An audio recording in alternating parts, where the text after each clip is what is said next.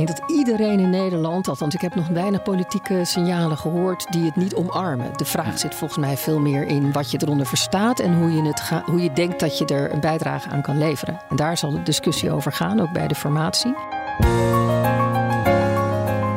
Hoe welvarend is Nederland?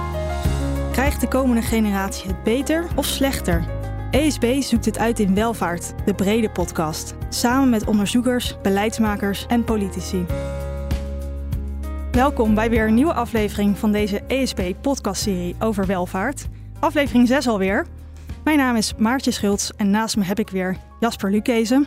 We beginnen een beetje ergens te komen met deze serie, of niet dan Jasper? Ja, wel veel leuke onderwerpen gehad. We hebben het gehad over ongelijkheid, we hebben het gehad over klimaat. Uh, we hebben het gehad over hoe meet je welvaart. Maar vandaag hebben we wel een bijzondere gast. Ja, een hele bijzondere gast. We hebben namelijk uh, een minister bij ons uh, in de studio. Welkom uh, Mickey Adiraanses, minister van Economische Zaken en Klimaat. Wij zijn verheugd dat u mee wilt doen aan deze, aan deze serie. Ja, leuk. Leuk om er te zijn. Ja, wij gaan met u praten over brede welvaart. Over de verhouding tussen economische zaken en klimaat. Over de rol van het bedrijfsleven en hoe we sturen op brede welvaart en nog veel meer. Uh, we gaan vandaag drie korte geluidsfragmenten inbrengen van mensen. En de eerste persoon, uh, die kent u denk ik uh, vrij goed. En ik ben optimistisch over de kracht van ons land. En voor de zomervoorzitter heb ik een perspectief op de economie gepresenteerd. En daar heb ik een visie in geschetst hoe Nederland om moet gaan met die toekomst. Waar we op moeten sturen. Hoe we ervoor zorgen dat de jonge generatie kan uitkijken, een perspectief heeft op een schoon en een land met brede welvaart. Dit, uh, dit was u zelf tijdens de begrotingsbehandeling in de Tweede Kamer eerder dit jaar. Um, nog een beetje over de woorden brede welvaart. Ik weet niet of dat uh, toeval was uh, of, of dat u nog even moet wennen aan deze term. Maar misschien, misschien is, is, is, is, het lijkt me echt tot de vraag...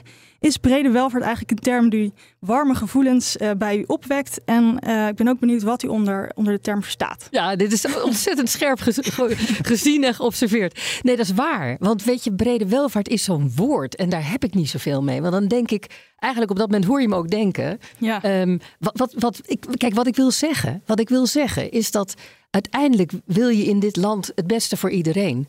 En mm-hmm. dat is een heel hoog ambitieniveau, dat realiseer ik me.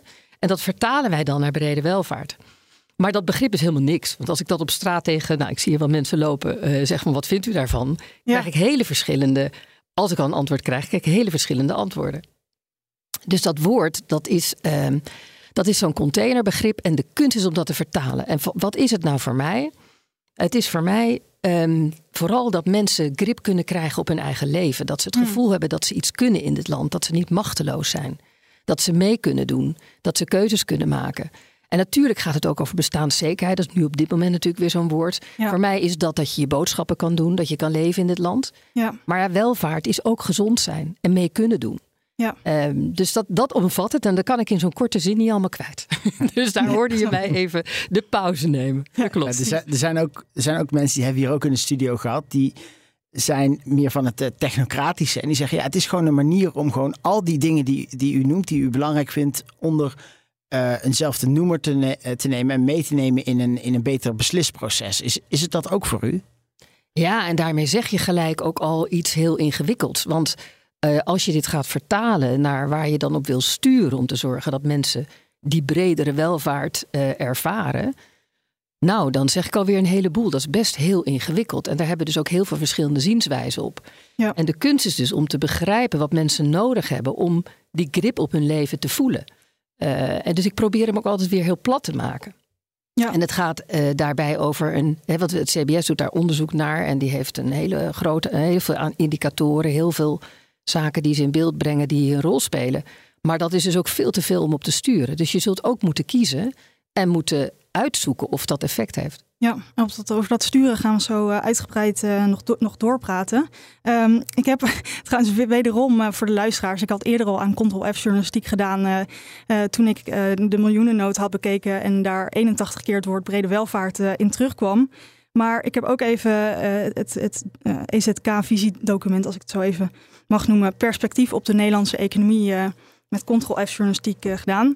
En daarin wordt brede welvaart uh, ook veelvuldig genoemd. Wel uh, 39 keer in een documentje van geloof ik 28 pagina's. Dus dat geeft misschien iets aan over het, het belang dat dat wordt doorleefd. Of, of uh, hoe ziet u dat? Nou, we maken denk ik een, verandering door in ons denken. We hebben decennia lang hebben we gedacht, uh, of, of, kijken we naar lijstjes die, uh, als, wij als, als, als wij als beleidsmakers kijken van gaat het goed ergens, dan kijken we naar bijvoorbeeld of Nederland economisch gezond is. Dan kijk je naar hoeveel mensen ge fysieke gezondheid ervaren. Dan kijk je naar het onderwijsniveau. Dan kijk je naar heel veel verschillende dingen.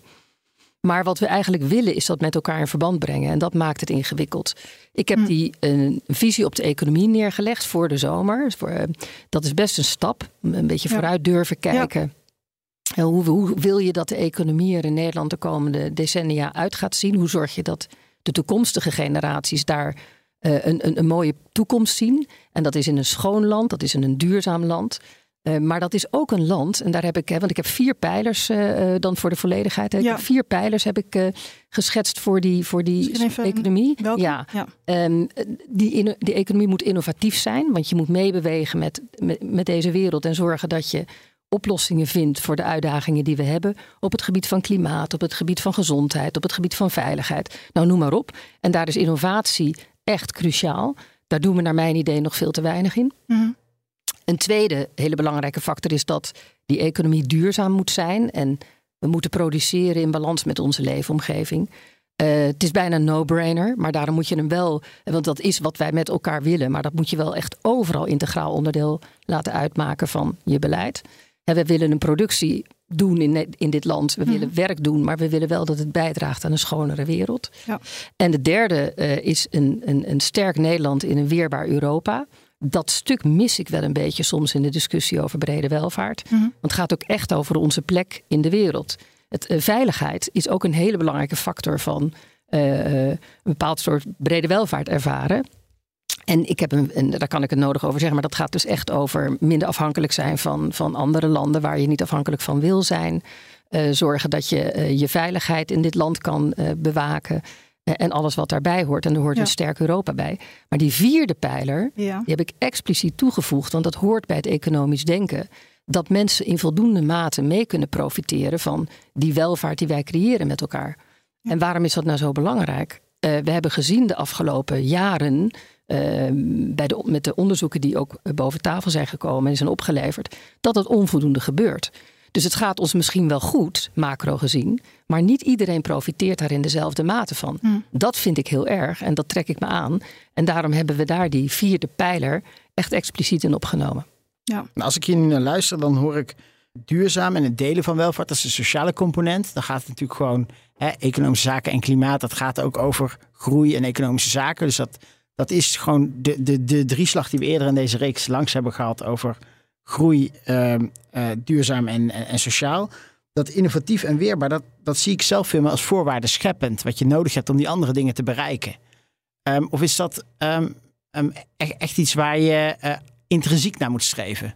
Nee, ik denk dat je er intrinsiek naar moet streven, omdat we soms denken dat het te vanzelfsprekend is. Ik, ik denk dat we daar ook achter lopen. Uh, we moeten daar echt een slag maken in Nederland, in Europa, om, om het bij te benen in de wereld. En als we dat ons onvoldoende realiseren, dan, uh, dan leveren we uiteindelijk ook in als het gaat over brede welvaart. Ja. Uh, want de, de afdronk daarvan is niet positief. Dus dat vraagt investeringen. En dat vraagt dus ook het prominent op het netvlies zetten. Het, risico altijd met randvoorwaardelijk is dat het dan een beetje naar de achtergrond uh, verdwijnt. En misschien heb je hm. theoretisch gelijk hoor, dat uh, wil ik gelijk uh, omarmen. Maar voor een beleidsmaker denk ik, ho ho, pas op. er zijn een aantal zaken randvoorwaardelijk, maar die zijn wel essentieel om het voor elkaar te krijgen. Zoals bijvoorbeeld voldoende personeel, zoals... Nou, um, en, en dat is voor mij als beleidsmaker iets, dan ga ik een beetje shuffelen met de volgorde der dingen. Maar dan zeg ik nee, het is een prioriteit. Want als we het niet doen, dan, dan gaat het mis. Ja, dus, maar, dan, maar dan is het wellicht randvoorwaardelijk. Dat zou allemaal kunnen. Maar als je kijkt naar de doelen van economische politiek, dan zeg je: dit is toch wel een doel wat we bovenaan moeten zetten. Uh, ook vanuit die brede welvaartsparaplu. En daar moeten we toch op sturen. Um, Kijk, die vier pijlers die, die hangen met elkaar samen. Je moet op alle vier sturen. En eigenlijk zeg je dat als een bedrijf, stel dat je een, een beslissing moet nemen over een bedrijf wat naar Nederland wil komen dan keken wij in het verleden vooral naar werkgelegenheid, wat een hele belangrijke factor mm. overigens ook weer is voor, voor brede welvaart. Hè, dat we voldoende werkgelegenheid hebben. Uh, en van voldoende, uh, dat mensen daar een, een, een draai in kunnen vinden, een boterham mee kunnen verdienen. Dus dat is een belangrijke factor. Maar het gaat niet alleen daarom. Het gaat er ook om dat zo'n bedrijf ons helpt om die schone economie te maken met elkaar. En het gaat er ook om dat het bedrijf ervoor zorgt dat mensen dat ook zo gaan ervaren. Dus dat we het niet allemaal op één plek in Nederland doen, bijvoorbeeld. Maar dat we ook zorgen dat in bepaalde regio's waar die activiteit wat minder groot is, dat we dat wel uh, op ons netvlies houden en dat we dat gaan verzorgen. Ja, ik, ik, zou graag nog even met u verder willen praten ook over de, de rol die het bedrijfsleven zou kunnen spelen in het nastreven van, uh, van brede welvaart. Ik zag in een, een, een interview met u met Dagblad Trouw, daarboven stond Volgens minister Mickey Adriaanses praten we te negatief over bedrijven. Kunt u dat uitleggen en um, ja, hoe ziet u eigenlijk de rol van bedrijven in relatie tot die brede welvaart? Bedrijven is waar de samenleving op draait. Um, uh, we moeten het geld eerst verdienen voor we het kunnen uitgeven. En als je het over brede welvaart hebt, heb je het ook over het uh, hebben van goede gezondheidszorg, goed onderwijs, goede infrastructuur, zowel fysiek als digitaal. Uh, dus je moet zorgen dat we met elkaar geld verdienen. Dat is eigenlijk heel plat, maar het is wel nodig. Hmm. En die bedrijven doen dat. Die zorgen ervoor dat wij dat allemaal kunnen doen. We hebben een goede economie. En dankzij al deze bedrijven, groot en klein, uh, kunnen wij leven zoals we leven. Daarnaast, hè, dat verdienvermogen, wat we dan met dat mooie woord zo noemen. Uh, dat is belangrijk. Maar daarnaast creëren bedrijven, we hebben in Nederland heel veel MKB'ers, ook een sociale samenhang in de gemeenschap. Uh, dat zijn weer leveranciers aan verbonden. Er zijn mensen die ZZP'er zijn die daar werk voor leveren. Uh, dat is vaak een keten van, van bedrijvigheid, van mensen die met elkaar iets, voor, iets willen maken, iets willen doen. Dus die sociale cohesie zit daar wel degelijk in. Het gaat over zingeving. Het gaat ook over opleidingen die je, als je bijvoorbeeld bij zo'n bedrijf werkt, uh, die, je kan, die je kan genieten, die, waar je jezelf mee, nou ja, wat, leuk kan zijn, maar waar je ook dingen mee kan leren. Um, daarnaast zie je dat bedrijven zich steeds meer bewust worden van hun maatschappelijke rol. Uh, en dat, dat is iets wat we moeten blijven stimuleren. Want dat is ook iets waar je je goede invulling aan moet geven. En dan gaat het over het sponsoren, maar heel plat van de voetbalclub. Heel -hmm. belangrijk overigens voor sociale cohesie. En heel erg leuk. Um, maar het gaat ook over meer dan dat. Het gaat ook over je verantwoordelijkheid nemen in de keten. Ja. Zodat we schoon produceren, verantwoord produceren en mensen betrekken. Ja, ik, ik vraag me dat. Kijk, wij, wij spreken later in deze reeks nog met Karen Maas, hoop ik. Uh, zij is hoogleraar aan de Open Universiteit en zij kijkt eigenlijk naar de, de rol van de governance van bedrijven. En ook de rol die bedrijven uh, vanuit de governance, de gevolgen die, ze, die dat heeft voor het handelen van die bedrijven. En ze zegt eigenlijk, ja, je kunt op verschillende manieren naar bedrijven kijken. Je kunt zeggen, bedrijven dienen gewoon winst te maken, hun producten goed te verkopen, gegeven de grenzen van de wet. Dat is het simpelste model. Dat komt uit de basiseconomie. Maar je kunt ook een stap verder gaan en zeggen, bedrijven dienen een hoop dienen geld te verdienen, maar zich terdege bewust te zijn van hun voetafdruk, hun environmental, social governance, uh, uh, de gevolgen daarvan. Of je kunt zeggen, nee, bedrijven dienen de euro's die ze verdienen op, een, uh, op dezelfde manier en op hetzelfde platform na te streven als environment, social governance. Dat moet één ding zijn. Waar, op die schaal um, ja, zouden bedrijven moeten zitten en waar zitten ze nu? Hmm. Dat is een hele goede vraag. Want er, er, gaat voor mij nog een vraag aan, of eigenlijk een statement aan vooraf. Ja. Dat wij praten over bedrijven alsof het een soort blokkendozen zijn, ja. uh, die uh, abstracte uh, zijn en, en, wat, wat beweegt op zichzelf staat. En dat is ja. natuurlijk niet zo. Bedrijven zijn allemaal mensen. en al die mensen die doen met elkaar goede dingen. Ja, organisatie. Maar dat organisatie is, zijn, is een verzameling van mensen die, die met elkaar iets doen. En uh, daar zie je een hele ontwikkeling op dit moment in plaatsvinden. Als je het over die governance hebt.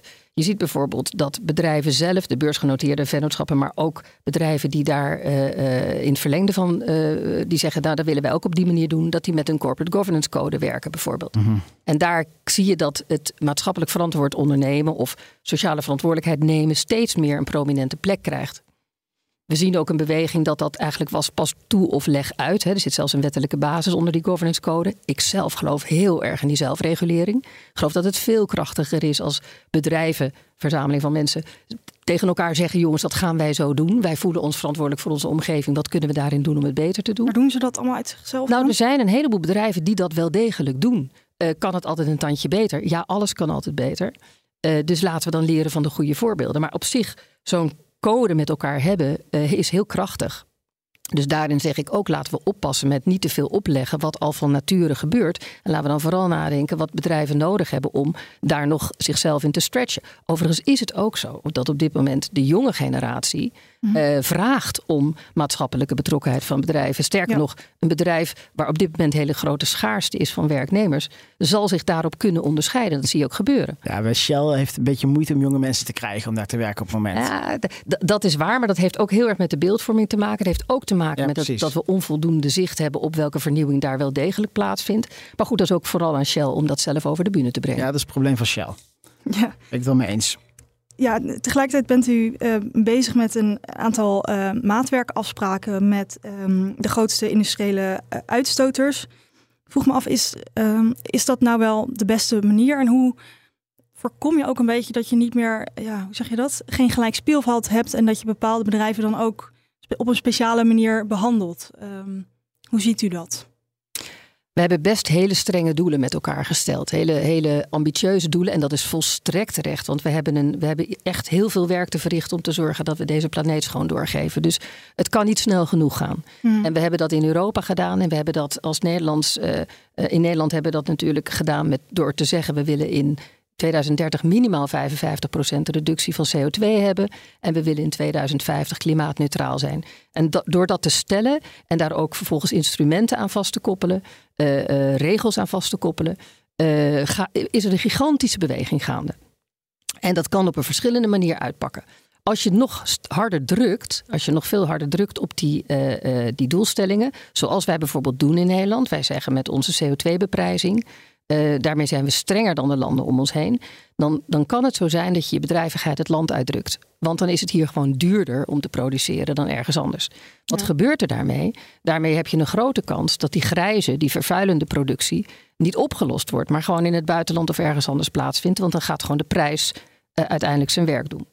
Dat is heel schadelijk, niet alleen voor Nederland, maar ook voor, uh, voor, de, voor de planeet, waar we het eigenlijk voor deden. Ja. Dus daarom hebben wij gezegd: laten we nou onze ambitieuze uh, onze ambitieuze doelstellingen, maar ook onze creativiteit en onze kracht en onze bedrijvigheid. Wij zijn een sterk land. Gebruiken om daar goed mee te doen. En hoe doe je dat? Door die, deze hele ingewikkelde transitie met elkaar aan te pakken. Maar waarom is maatwerk specifiek nodig? Maatwerk is, is bijzonder omdat je daarmee zegt tegen deze grote uh, ja, uitstoters, noemen dan maar bedrijven die veel CO2-uitstoot hebben. Wij gaan samen met jullie kijken wat er nodig is om meer te doen dan dat je eigenlijk al zou doen volgens die regels. Mhm. het gaat over meer. Hè? Het, gaat niet, het gaat niet over wat ze al moeten doen, maar over meer. En dan zie je dat wij daar ook heel veel van leren, want het is iets nieuws. Dus wij zien in deze samenwerking ook uh, allerlei uh, opgaven voor onszelf, uh, zoals sneller vergunningen verlenen, zoals zorgen voor voldoende elektriciteit, zoals zorgen voor voldoende waterstof, zoals zorgen voor voldoende infrastructuur en noem maar op.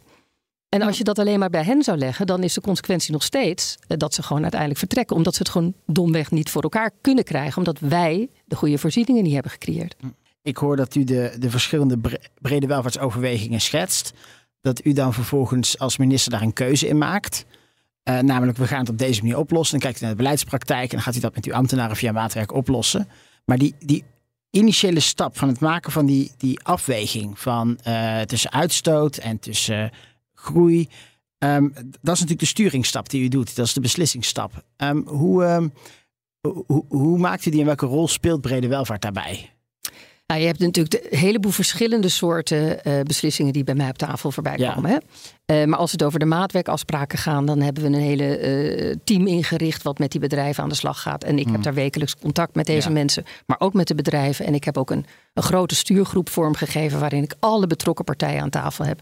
Dus ook Tennet, ook de netbeheerders, ook vertegenwoordigers van de gemeente. Met name ook om breder te kijken dan alleen het belang van dat bedrijf. Ik wil ook weten wat er in. Uh, ja, zit natuurlijk het publieke belang. Absoluut. Als je gaat kijken naar Zeeland, is daar wel degelijk een heel groot publiek belang. En als je gaat kijken naar Groningen, is dat ook zo. Ja. Uh, op andere plekken ook, maar misschien in iets mindere mate, omdat er meer variatie is van bedrijvigheid, van, van activiteiten, economisch gezien. Maar dus het is heel erg belangrijk dat we al die input blijven gebruiken. En dat we met elkaar kijken hoe we daar eh, een oplossing voor verdienen. Want er zijn best wel wat knelpunten die we daarin moeten oplossen met elkaar. Dus dat is een manier door te zorgen dat ik partijen aan tafel heb. Dat ik met hmm. alle betrokkenen spreek en dat dat niet eenzijdig is. Ja, ja misschien om, om, een brugje te maken. Um, vanuit, vanuit de rol van het bedrijfsleven. Um, innovatie is natuurlijk ook ontzettend belangrijk als we het hebben over ook de toekomst van onze, van onze welvaart. En we halen de Europese doelstelling, eh, namelijk dat we 3% van het BBP uitgeven aan innovatie als het gaat om investeringen in RD. Ehm, nog niet. Ehm, en in het al eerder genoemde document Perspectief op de Nederlandse economie staat dat we als doel hebben om dit percentage in 2030 te halen. Uh, mijn vraag is: is het mogelijk om dit misschien al eerder te halen? En hoe gaan we überhaupt precies die, die doelstelling bereiken? Op welke manier wordt daar uh, invulling aangegeven? Ja, dat is een hele goede vraag. En hij is ook die is echt wel randvoorwaardelijk, die uh, minimaal die 3 procent. Uh, waarbij in Amerika bijvoorbeeld vele malen meer wordt, uh, wordt geïnvesteerd. Ja. Dit, gaat, dit gaat niet alleen over overheidsgeld, ja. want dat is veel te makkelijk. Er is in Nederland best veel geld en de kunst is om dat goed aan te wenden. Als je het over innovatie hebt, dan is er alleen wel een groter risico dat je misschien niet een succes haalt met je investering. Dus dat heeft een prijs. En de kunst is om te kijken, bijvoorbeeld ook bij de private investeerders, de private partijen wat zij nodig hebben om dat risico, wat dan wellicht wat groter is, in een aantal gevallen wel te nemen. Dus dat is een belangrijk uh, punt uh, in, in die agenda. Ik denk ook dat de overheid daar nog meer in kan doen. Het kan gaan over subsidies, maar het kan bijvoorbeeld ook gaan over garantie, garanties die je geeft op leningen ja. die ergens anders worden verstrekt. Dus er zijn meer manieren om naar, naar Rome te komen, zeg maar. Mm -hmm. en het groeifonds is daar belangrijk in, maar bijvoorbeeld ook onze topsectoren aanpak. En uh, er zijn een heleboel Europese fondsen op dit moment. Dus dan is het ook belangrijk dat wij daar toegang toe hebben. Kan ik ook weer zorgen dat bedrijven die, die weg wat makkelijker vinden. Want er zijn best wel wat faciliteiten, maar de toegankelijkheid daarvan. Dus vind maar als MKB'er uh, uh, zo'n toegang tot, tot een bepaalde subsidie. Mm. Dat is best ingewikkeld. Kan een tandje beter. Ja. Ik, ik, ik blijf ook hier weer worstelen met dezelfde vraag. Je hebt, je hebt een, heeft een doelstelling, 3% van BBP investeringen in R&D. Uh, dus een andere doelstelling, bijvoorbeeld economische groei. Daar is dan een groeifonds voor. Of klimaat, daar is dan de, de CO2-uitstoot moet naar beneden, et cetera. Uh, hoe verhoudt zich nou het, het sturen op zo'n doelstelling tot het, het, het sturen in het algemeen belang?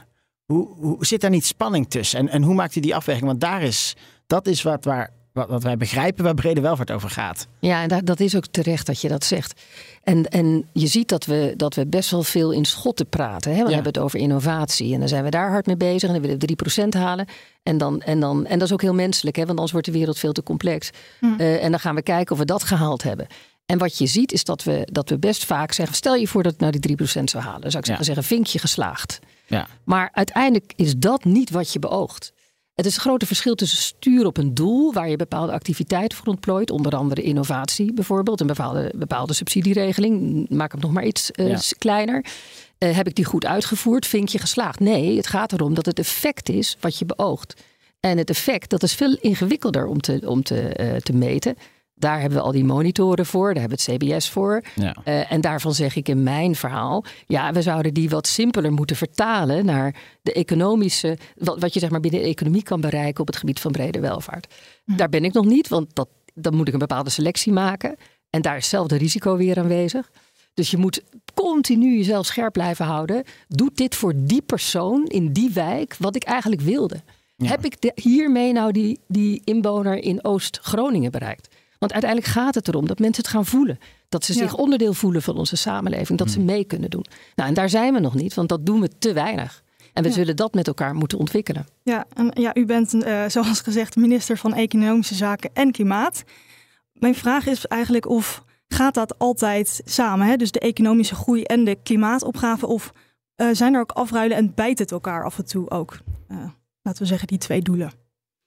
Niet als je goed stuurt. Uh, en maar dat hebben we de afgelopen jaren, denk ik, onvoldoende. We zijn ons onvoldoende bewust geweest van de schade die, die er is toegebracht. En daar zijn we nu heel hard mee bezig om dat recht te trekken. Daar hebben we heel kort tijd voor. Um, dus in die zin uh, zou ik bijna zeggen, alle, alle, alles inzetten om dat voor elkaar te krijgen. Maar dat moet je wel doen op een manier dat het haalbaar is. Dus de kunst is om niet over elkaar heen te buitelen met nog een ijs en nog een ijs. We hebben nu best veel al opgeleid staan, in regels gezet.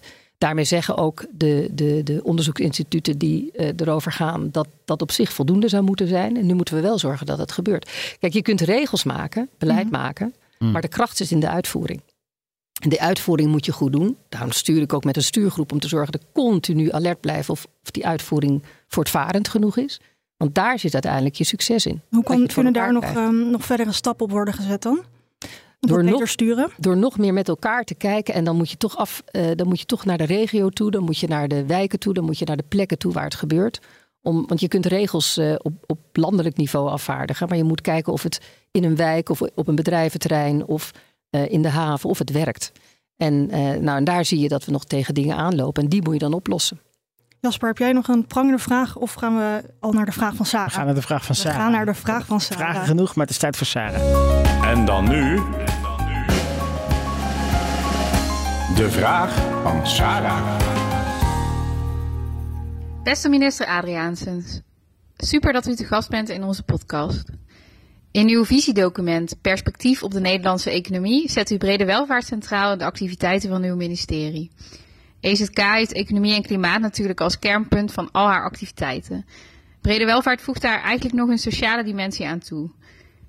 In uw document stelt u dan ook dat ongelijkheid een van de zwaktes is van de Nederlandse economie.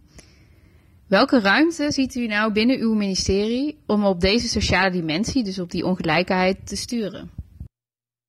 Kim Putters, uh, zei, uh, voorzitter van de SER, die zei in de eerste aflevering ook al dat soms die sociale uh, dimensie een beetje bekijkt er vanaf kwam.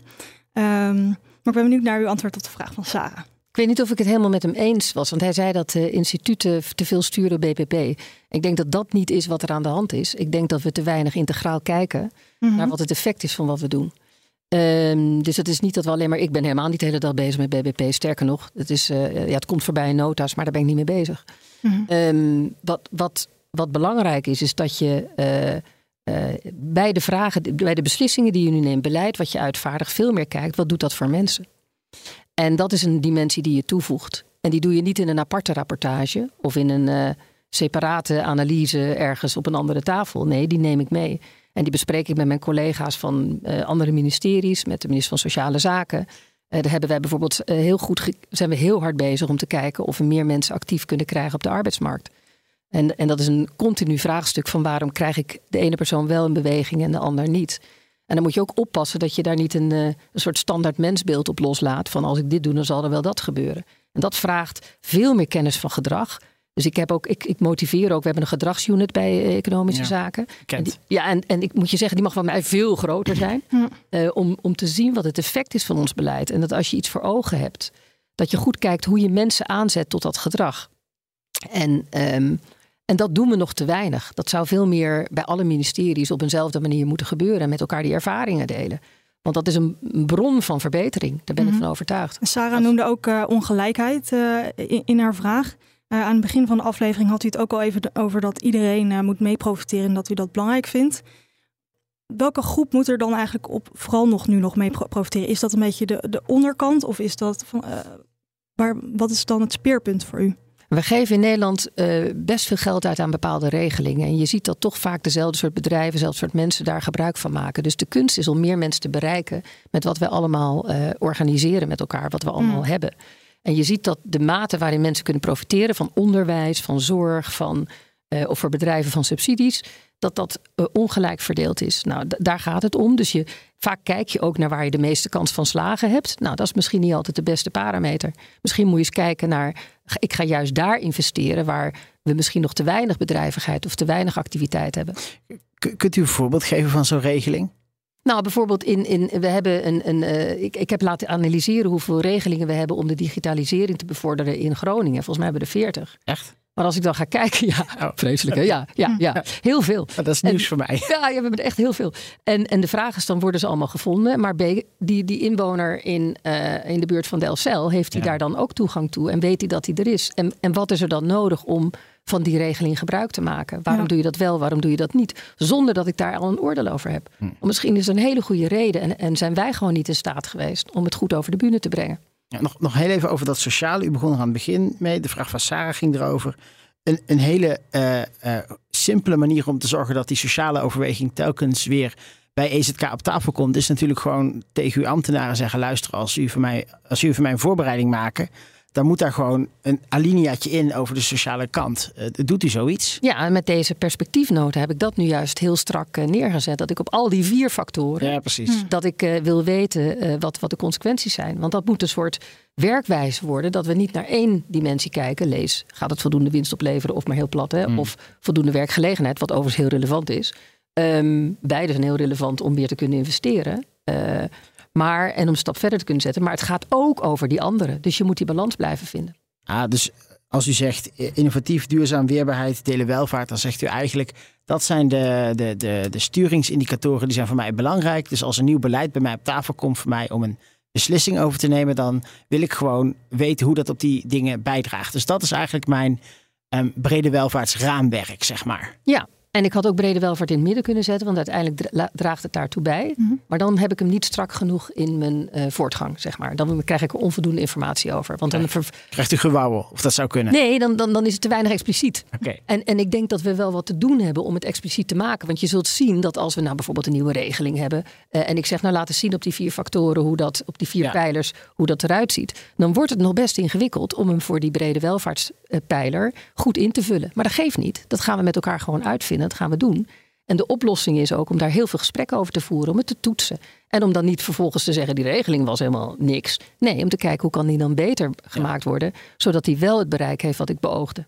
Het is helder, denk ik. Um, korte constatering, deze vier um, indicatoren of hoofddoelen, of waar, waar u dan ook naar kijkt, dat is natuurlijk een heel stuk simpeler dan de monitor brede welvaart van het CBS. Dus daar zit een hele versimpelingsstap in. En dat is denk ik onvermijdelijk gegeven hoe beleidsprocessen lopen de vervolgvraag is, als u die vier dingen heeft, uh, en u heeft dat inzichtelijk, wat neemt u mee naar de collega-ministers in het kabinet en wat neemt u mee naar de Tweede Kamer? Misschien de eerste opmerking over het CBS. Kijk, die monitoren een heleboel indicatoren. En dat is hele relevante informatie. Maar sturen kan je niet op al die uh, indicatoren mm noemen. Dus daar moet je een selectie in durven maken. En moet je ook op een gegeven moment evalueren: heeft dit het effect gehad wat ik beoogde? Nou, de, um, en wat ik meeneem, die vier pijlers zijn voor mij wel richtinggevend. Dus ik zal ook de voorstellen die voorbij komen uh, in de ministerraad of, of op, op, eh, in andere overleggen met mijn collega's aandacht vragen voor of het voldoende doet. Bijvoorbeeld op het sterker maken van Nederland in een weerbaar Europa. In hoeverre hebben we daarmee iets te pakken waarin we als Europa en als Nederland ook sterker worden, veiliger worden, meer weerbaar. Wat een wat abstracte begrip is, maar dat is wel heel belangrijk voor onze toekomst. Ook om onze normen en waarden in de wereld te kunnen blijven behouden. Uh, maar dat moet wel degelijk op tafel komen. En hiermee hou je jezelf dus ook scherp.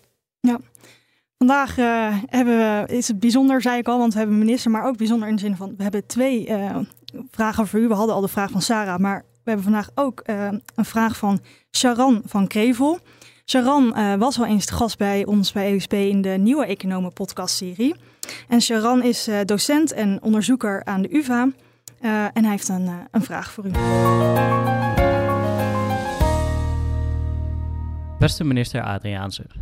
In een eerdere aflevering van de podcast kwam naar voren dat de monitor brede welvaart deels wordt samengesteld op basis van de beleidsdoelen van een aantal ministeries. Ik stel mij zo voor dat dit indruist tegen de behoefte en verwachting van velen dat het meten van brede welvaart onafhankelijk is van de politiek. Immers, politieke afhankelijkheid wekt een indruk van onzuiverheid.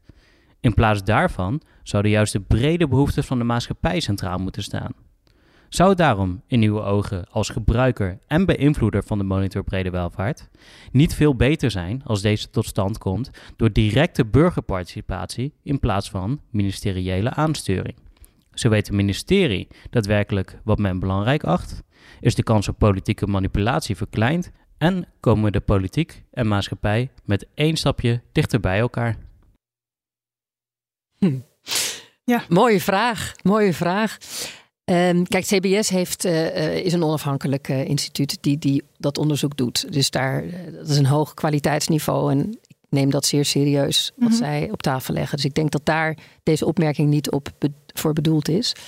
Um, en dat, we nemen die adviezen serieus en we analyseren ze. We, we, dat heet dan met een mooi woord, we appreciëren ze ook als we het naar de Kamer sturen. Um, maar wat hier volgens mij bedoeld wordt, is of je niet nog veel meer uh, met, met mensen, inwoners van Nederland, moet praten over wat zij ervaren. En dat kan ik alleen maar volmondig uh, met een ja beantwoorden. Dus ook wat ik al in het voorgaande heb gezegd. Dat is wel ingewikkeld, want wat is burgerparticipatie? Het liefste zou ik die mensen bereiken die je normaal niet spreekt. Want de vraag is altijd als je burgerparticipatie vormgeeft, uh, wat je dan vormgeeft. Uh, en hoe je dat op een goede manier doet, zodat, zodat je ook echt hoort wat mensen ervaren. Dat vind ik dan misschien nog steeds, nou ja, nog wel meer de uitdaging om echt die, die ervaren, uh, ervaringen te krijgen. Um, Want je moet het ook weer niet gaan institutionaliseren, met een mooi woord gezegd. Dus dat je weer een burgerplatform hebt waar mensen bijna professioneel uh, ja. de, de, mening van de burgers gaan vertegenwoordigen. Dan kun je geen dus, professionele ja, burgers. Ik denk dat het dan weer, dan lopen we een beetje weg van waar het over gaat. Maar dat, dat horen wat mensen echt vinden, ja, dat, dat is, dat is de, de puzzel. En dat moet je, kan je eigenlijk nooit genoeg doen. Ja, waar, volgens mij deze vraag een beetje vandaan kwam, is we hebben in uh, aflevering drie gepraat met uh, Jan-Pieter Smits. En hij was ook nauw betrokken um, als projectleider bij de uh, CBS Monitor Brede Welvaart. En we hadden een gesprek over dat er nu ook individuele factsheets bij de miljoenennota gepresenteerd waren per departement eigenlijk. Um, en daaruit, uh, daarover had Floor Rusman in NRC dan weer een, uh, een column geschreven. Die zag uh, groene en rode pijltjes. En die constateerde volgens mij zoiets als als er, als er meer hoogopgeleiden zijn, dan, dan, gaat het, dan gaat het goed. Dan is het een groene pijl. En daar praat, plaatste zij wat, wat kritische vraagtekens bij. Want misschien hebben we wel veel meer behoefte aan loodgieters bijvoorbeeld. En toen zei Jan-Pieter Smit, als ik me goed herinner, van ja, maar wij toetsen vooral, uh, dat zijn beleidsdoelstellingen die zijn gemaakt en die toetsen wij. En volgens mij plaatst Sharon daar de vraag bij, is dat wel de goede weg? Dat je dus die beleidsdoelstelling hebt en dat CBS dat puur toetst. En dat bedoelt hij met die politieke invloed daarop. Ja, nou, en, dat, dat is zo. Uh, daar, dat, die vraag is ook terecht dat hij die stelt. Want die beleidsdoelen zou je, moet je steeds weer ter discussie stellen. Hebben we de goede beleidsdoelen te pakken? Sturen we op de juiste wijze?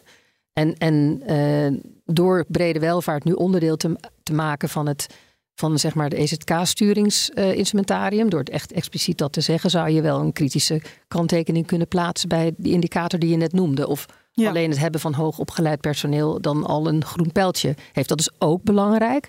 En zoals jij terecht zei, ik zat net te, te, te lachen toen je dat zei, uh, dat, we, dat, we meer, dat we misschien wel meer loodgieters nodig hebben. Nou, we hebben zeker wel meer loodgieters nodig. Dus dat, dat, dat is dan al een te, te, beperkte weergave van waar we op sturen. Ik stuur daar ook op. We sturen ook juist op mensen die praktisch werk verrichten, want die hebben we heel hard nodig. Zeker. En anders krijgen we al die dingen die we willen niet voor elkaar.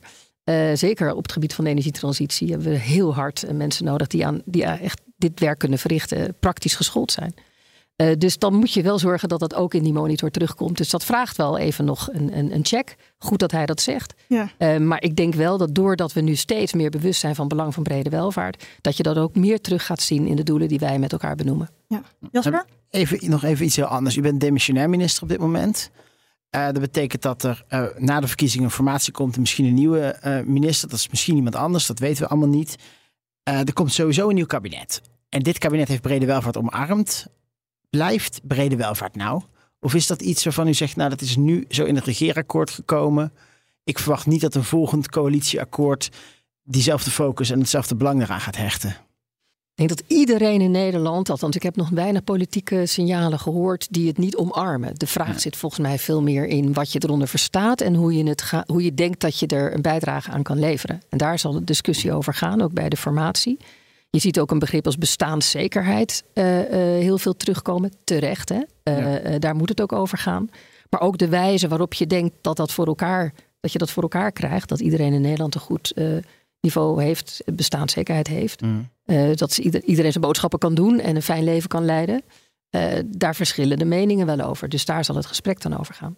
Maar het begrip brede welvaart, dat zie ik niet meer verdwijnen. De kunst is wel om het leven te houden. Ja. Er zijn ehm, uh, nou, en, en, als, en als laatste misschien, zijn er dan nog dingen waar u als minister niet aan toegekomen bent en nu hmm. u demissionair bent waarschijnlijk ook niet meer aan toe gaat komen, die u graag zeg maar, op een boodschappenlijstje even mee zou willen geven? Ja, kijk, ik, er is heel veel waar ik niet aan toegekomen ben. Want het is echt een hele korte tijd. Hoeveel minuten hebben we nog in de uitzending?